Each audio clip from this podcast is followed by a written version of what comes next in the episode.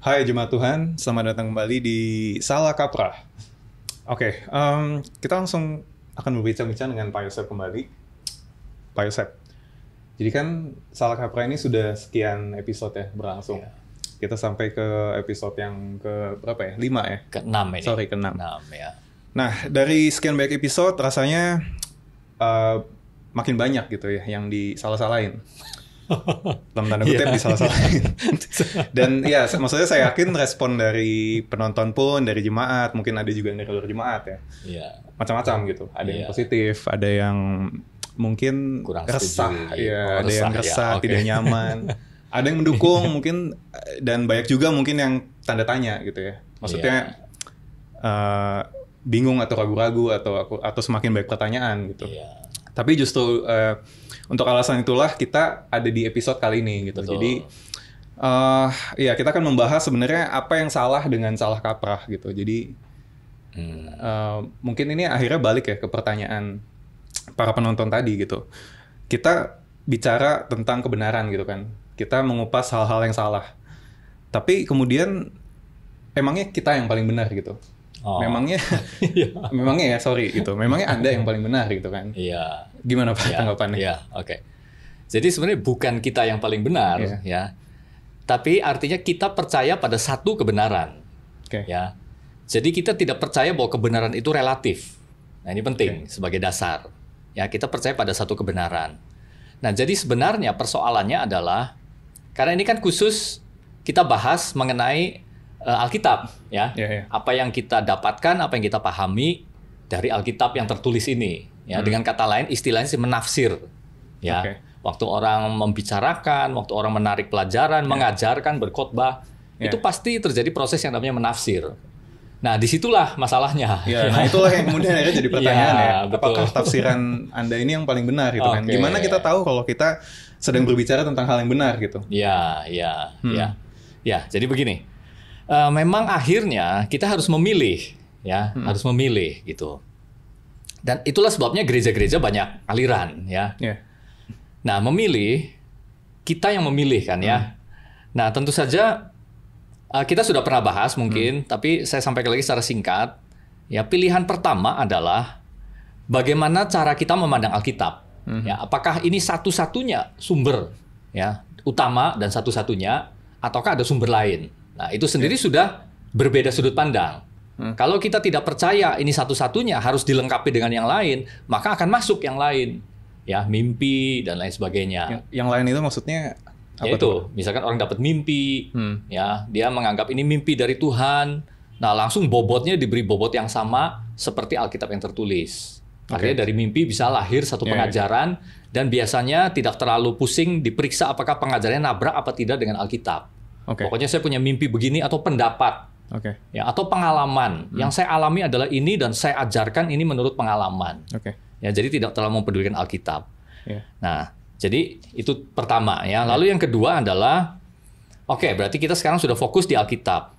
Nah, di situ bagaimana cara kita memahaminya? Hmm. Ya, itu juga yang membuat berbagai macam perbedaan, Ya. ya. Jadi maksud saya gini, sebenarnya dalam hal sehari-hari saja bukankah kita itu juga harus lewat proses yang namanya belajar? Hmm. setelah belajar lalu mengikuti satu cara kan. Ya.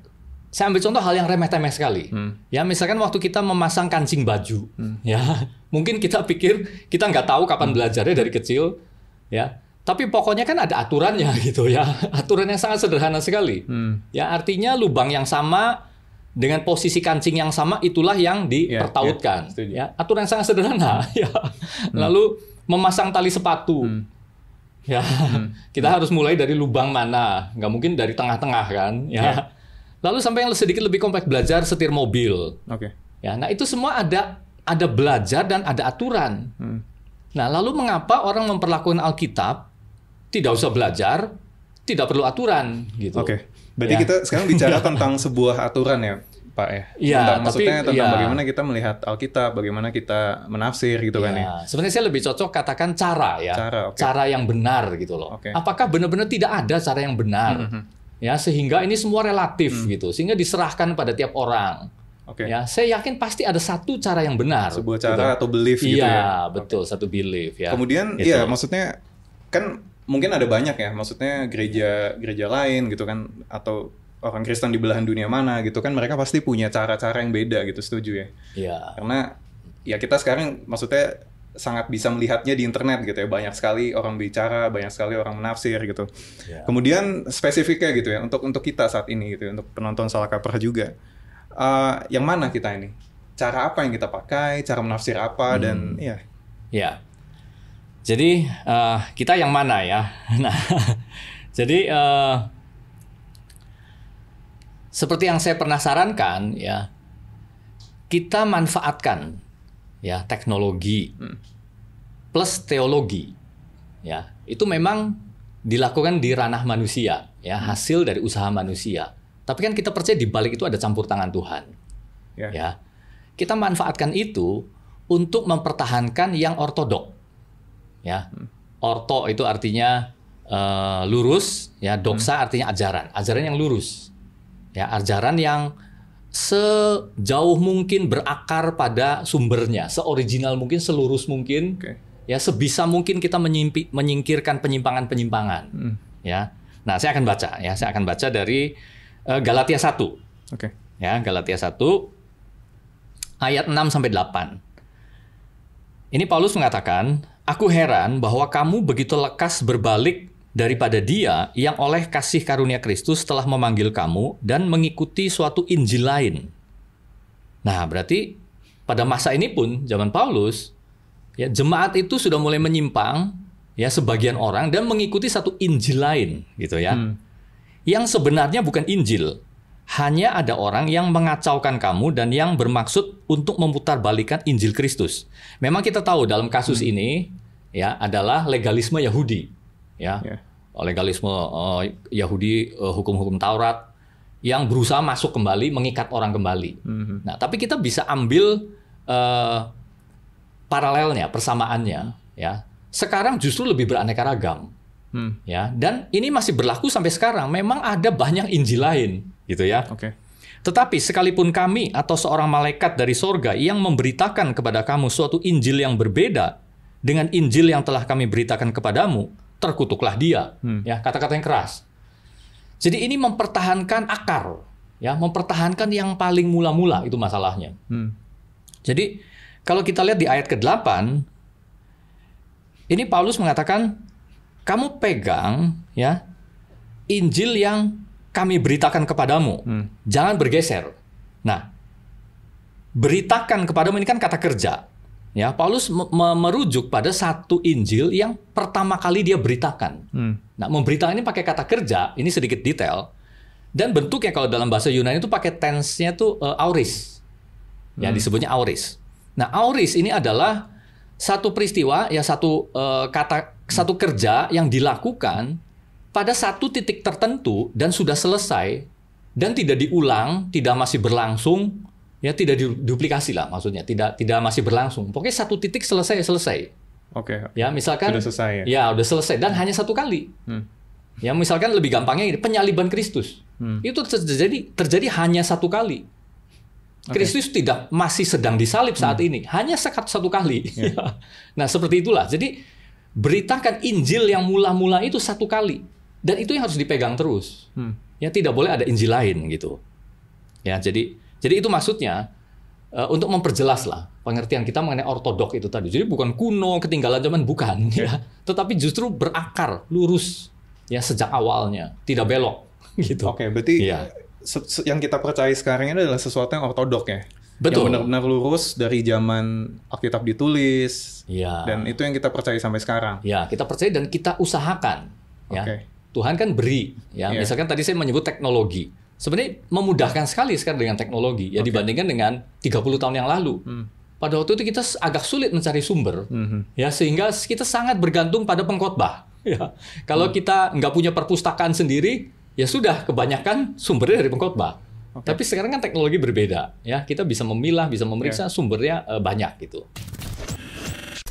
Eh, cuman balik lagi Pak, Iya. kita kan berarti kan dibutuhkan maksudnya sebuah bukan kemampuan ya maksudnya kita didorong untuk menafsir ya karena Iya. betul-betul ya karena Betul. untuk terus melihat uh, ortodoksi itu dari awal sampai sampai sekarang kan kita harus harus menafsir gitu kan Iya. kita harus uh, belajar gitu Betul. nah kemudian akhirnya uh, maksudnya Alkitab itu kan bukan sesuatu yang literal ya kita baca terus langsung kita dapat oh maknanya ini gitu. Penuh dengan macam-macam tafsiran atau interpretasi. Dan ini kan mungkin ada satu kaidahnya ya ada ada satu caranya gitu. Oh ya, betul, betul. nah apa gitu yang harus kita Ya. apa yang harus kita percayai harus kita lakukan supaya kita menjaga ortodoksi ini? Ya.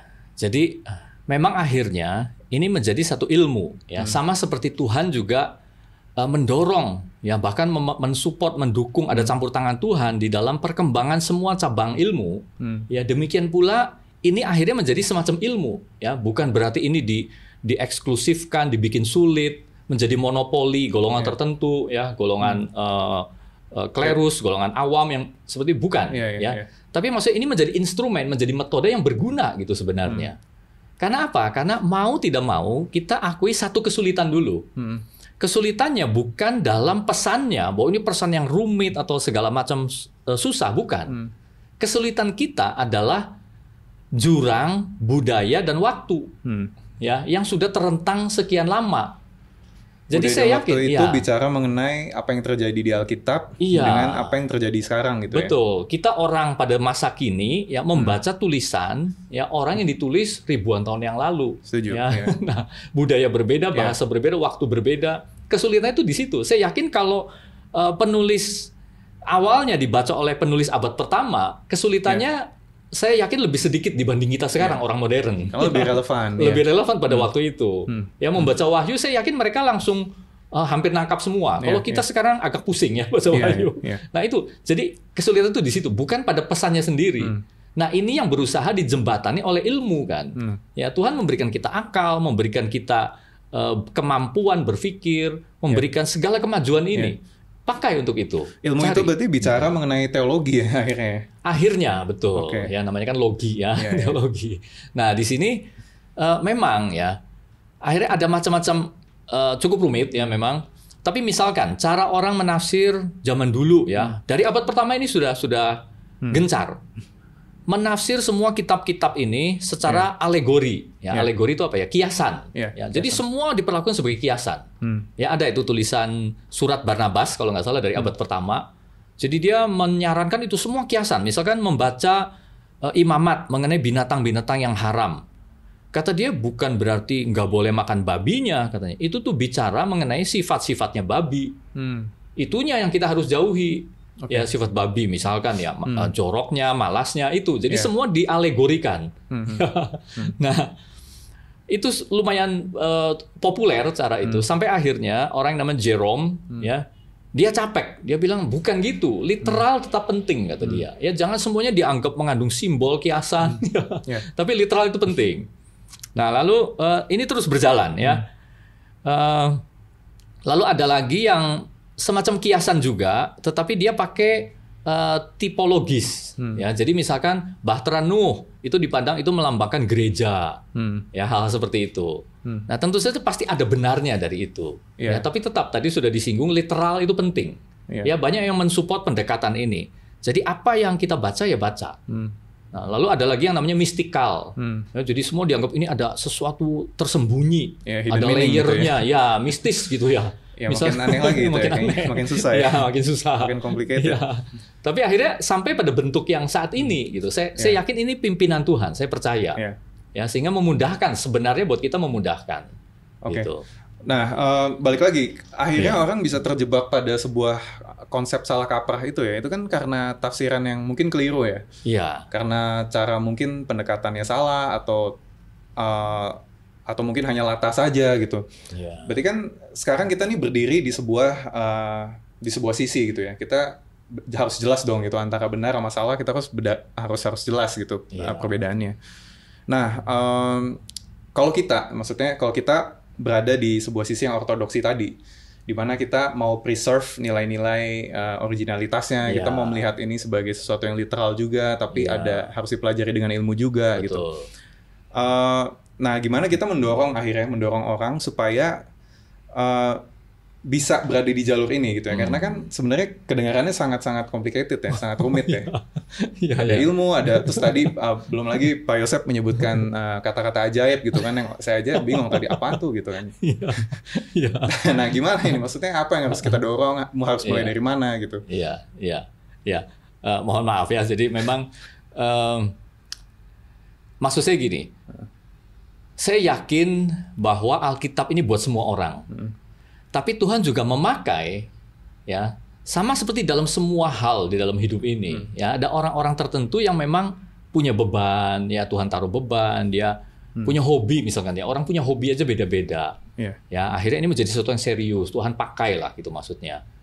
Nah biarkan mereka juga bekerja ya bukankah cara membaca Alkitab juga tidak semuanya dituntut harus menjadi teolog? Bukan. Iya, iya. ya bahkan cara membaca sendiri kan ada yang namanya paling umum. Ya paling semua orang harus bisa yang disebut devosional. Iya. ya devosional itu artinya benar-benar kita baca ini ya seperti kita baca satu buku. Ya tangkap pesannya artinya apa buat saya. Personal usah. ya ya? personal betul. Jangan pusingkan mengenai pengajarannya bahasanya. Iya. ya buang sajalah semua Iya. istilah-istilah yang sulit tadi.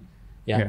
Tapi beberapa orang tertentu memang fungsi itu perlu. Hmm. ya beberapa orang tertentu perlu. Nah saya beri contoh lagi ya.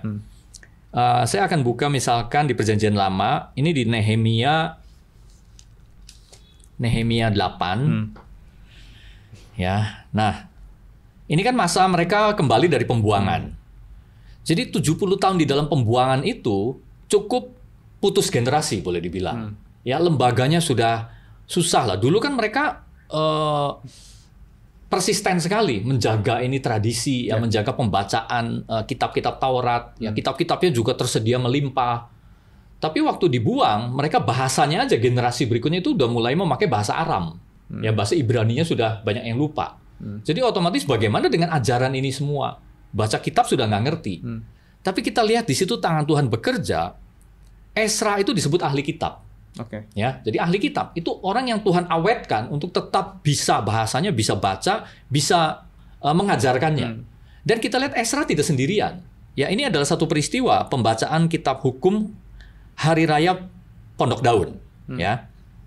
Nah, saya baca saja dua ayat dari ayat 8. Ya, juga Yesua bani Yesua bani Serebia, Yamin, Akub, Sabetai, Hodia, Maseya, Kelita, Azaria, Yozabat, Hanan, Palaya yang adalah orang-orang Lewi mengajarkan Taurat itu kepada orang-orang itu. Sementara orang-orang itu berdiri di tempatnya. Iya. Ayat 9, bagian-bagian daripada kitab itu yakni Taurat Allah dibacakan dengan jelas dengan diberi keterangan-keterangan sehingga pembacaan dimengerti.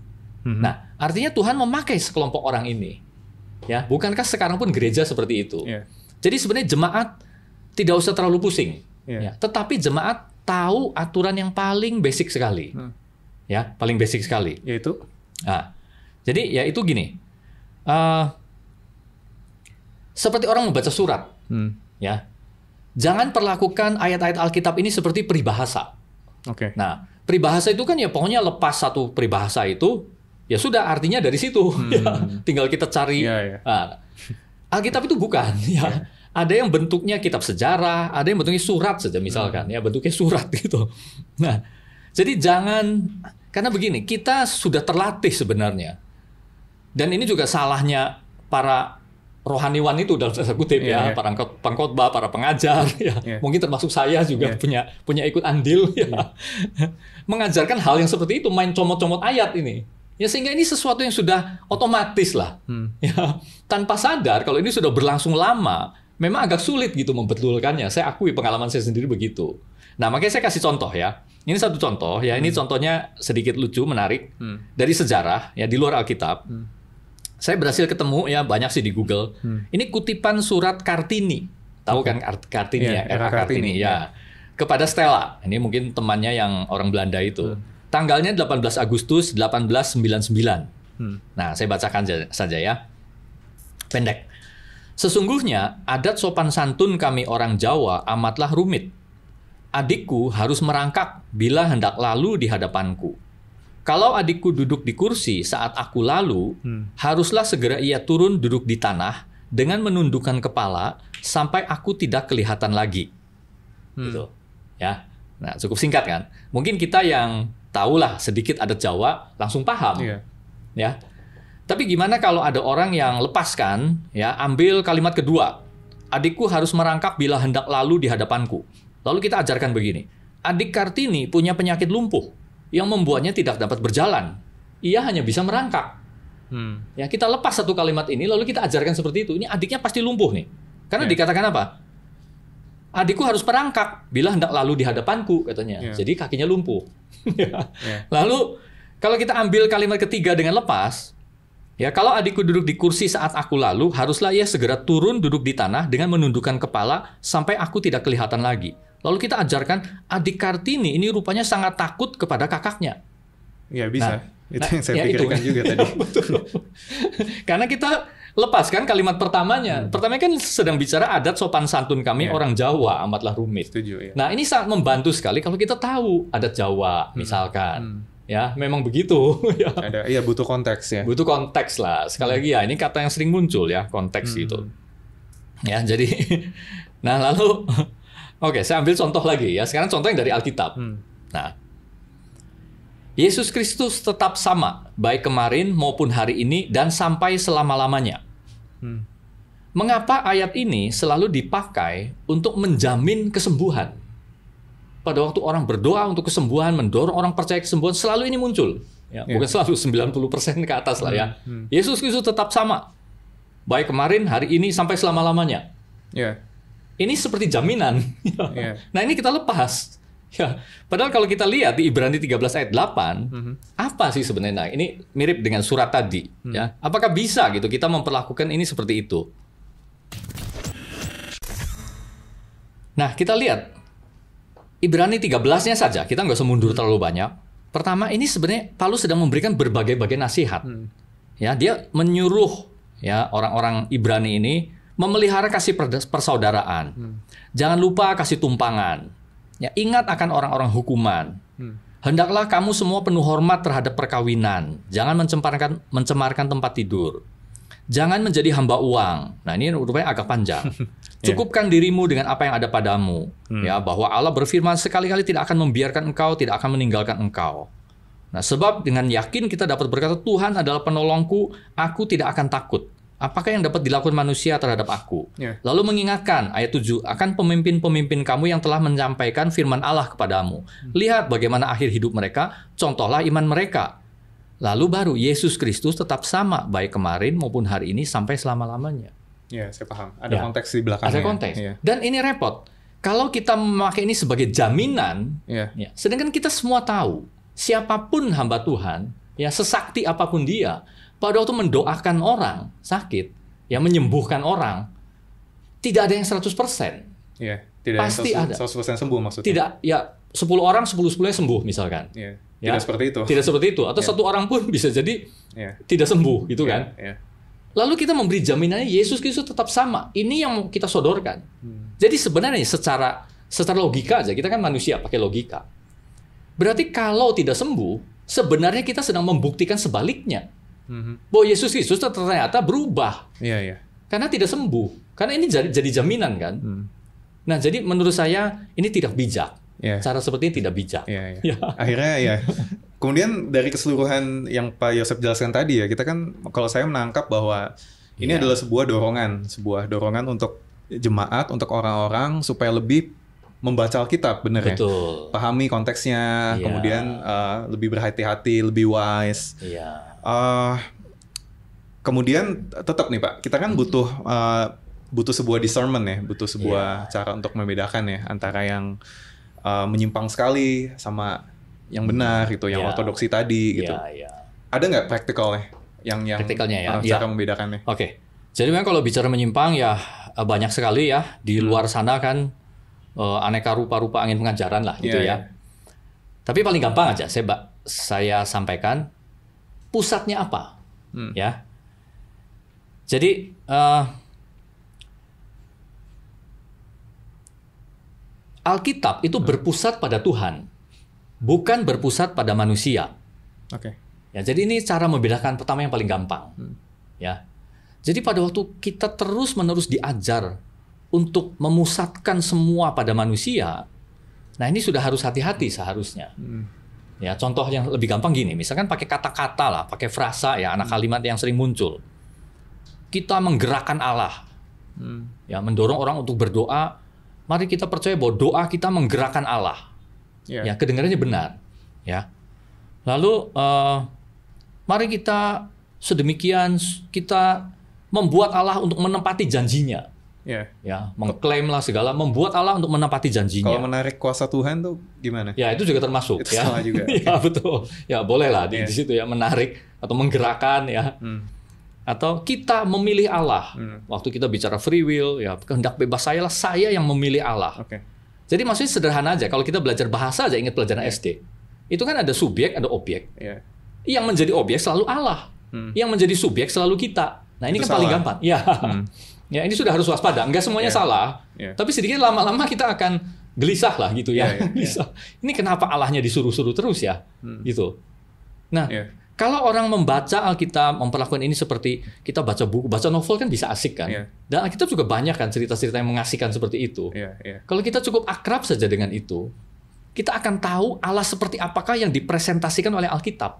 Hmm. Jadi begitu dengar kalimat-kalimat tadi, kita langsung akan berkerut kening. Hmm. Ya Setuju. itu contoh, ya Setuju, contoh, iya, ya iya. betul. Oke, untuk terakhir mungkin ada kata penutup untuk em, orang-orang atau bahkan anak-anak muda yang tertarik dan mau belajar lebih dalam. Iya, ya, Gimana untuk ya praktikalnya gimana? ya baik. Jadi pertama kita harus mulai dari yang benar, ya, dan yang benar ini selalu muncul di sepanjang Alkitab, yaitu kita ini manusia ciptaan, Hmm. ya, dan Dia adalah Allah pencipta. Nah, kita sebagai ciptaan kita yang menyembah, ya, kita yang mencari kehendaknya, kita yang mencari perkenannya, bagaimana menyenangkan Dia, Hmm. Ya, bukan sebagai pihak yang selevel, ya, menuntut ini itu, ya, ada bagian itu, tetapi ingat, basic adalah kita menyembah, Hmm. ya. Hmm. Nah, kemudian yang kedua, bukankah Dia pribadi yang kita sembah itu, Dia yang terlebih dahulu menyatakan diri kepada kita. Hmm. Jadi sebenarnya tidak ada yang rumit di sini. Yang rumit kalau Allah bersembunyi, Hmm. ya seperti dewa-dewa yang kita harus menerka mereka-reka. Bukan, bukankah Allah sudah menyatakan diri? Ya. Yang jelas Allah menyatakan diri melalui Yesus Kristus. Oke.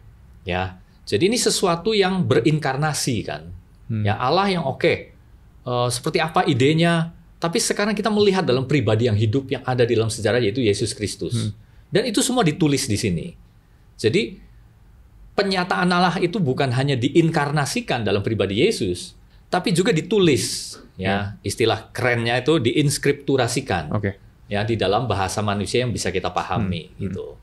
Ya, jadi itu aja yang kita pegang. Oke. Ya, seperti kita membaca pesan, Oke. seperti kita membaca perintah, Hmm. seperti kita membaca kehendak satu pribadi yang Hmm. eh, maha kuasa itu. Oke. Dan bukankah dia yang terlebih dahulu mengasihi kita?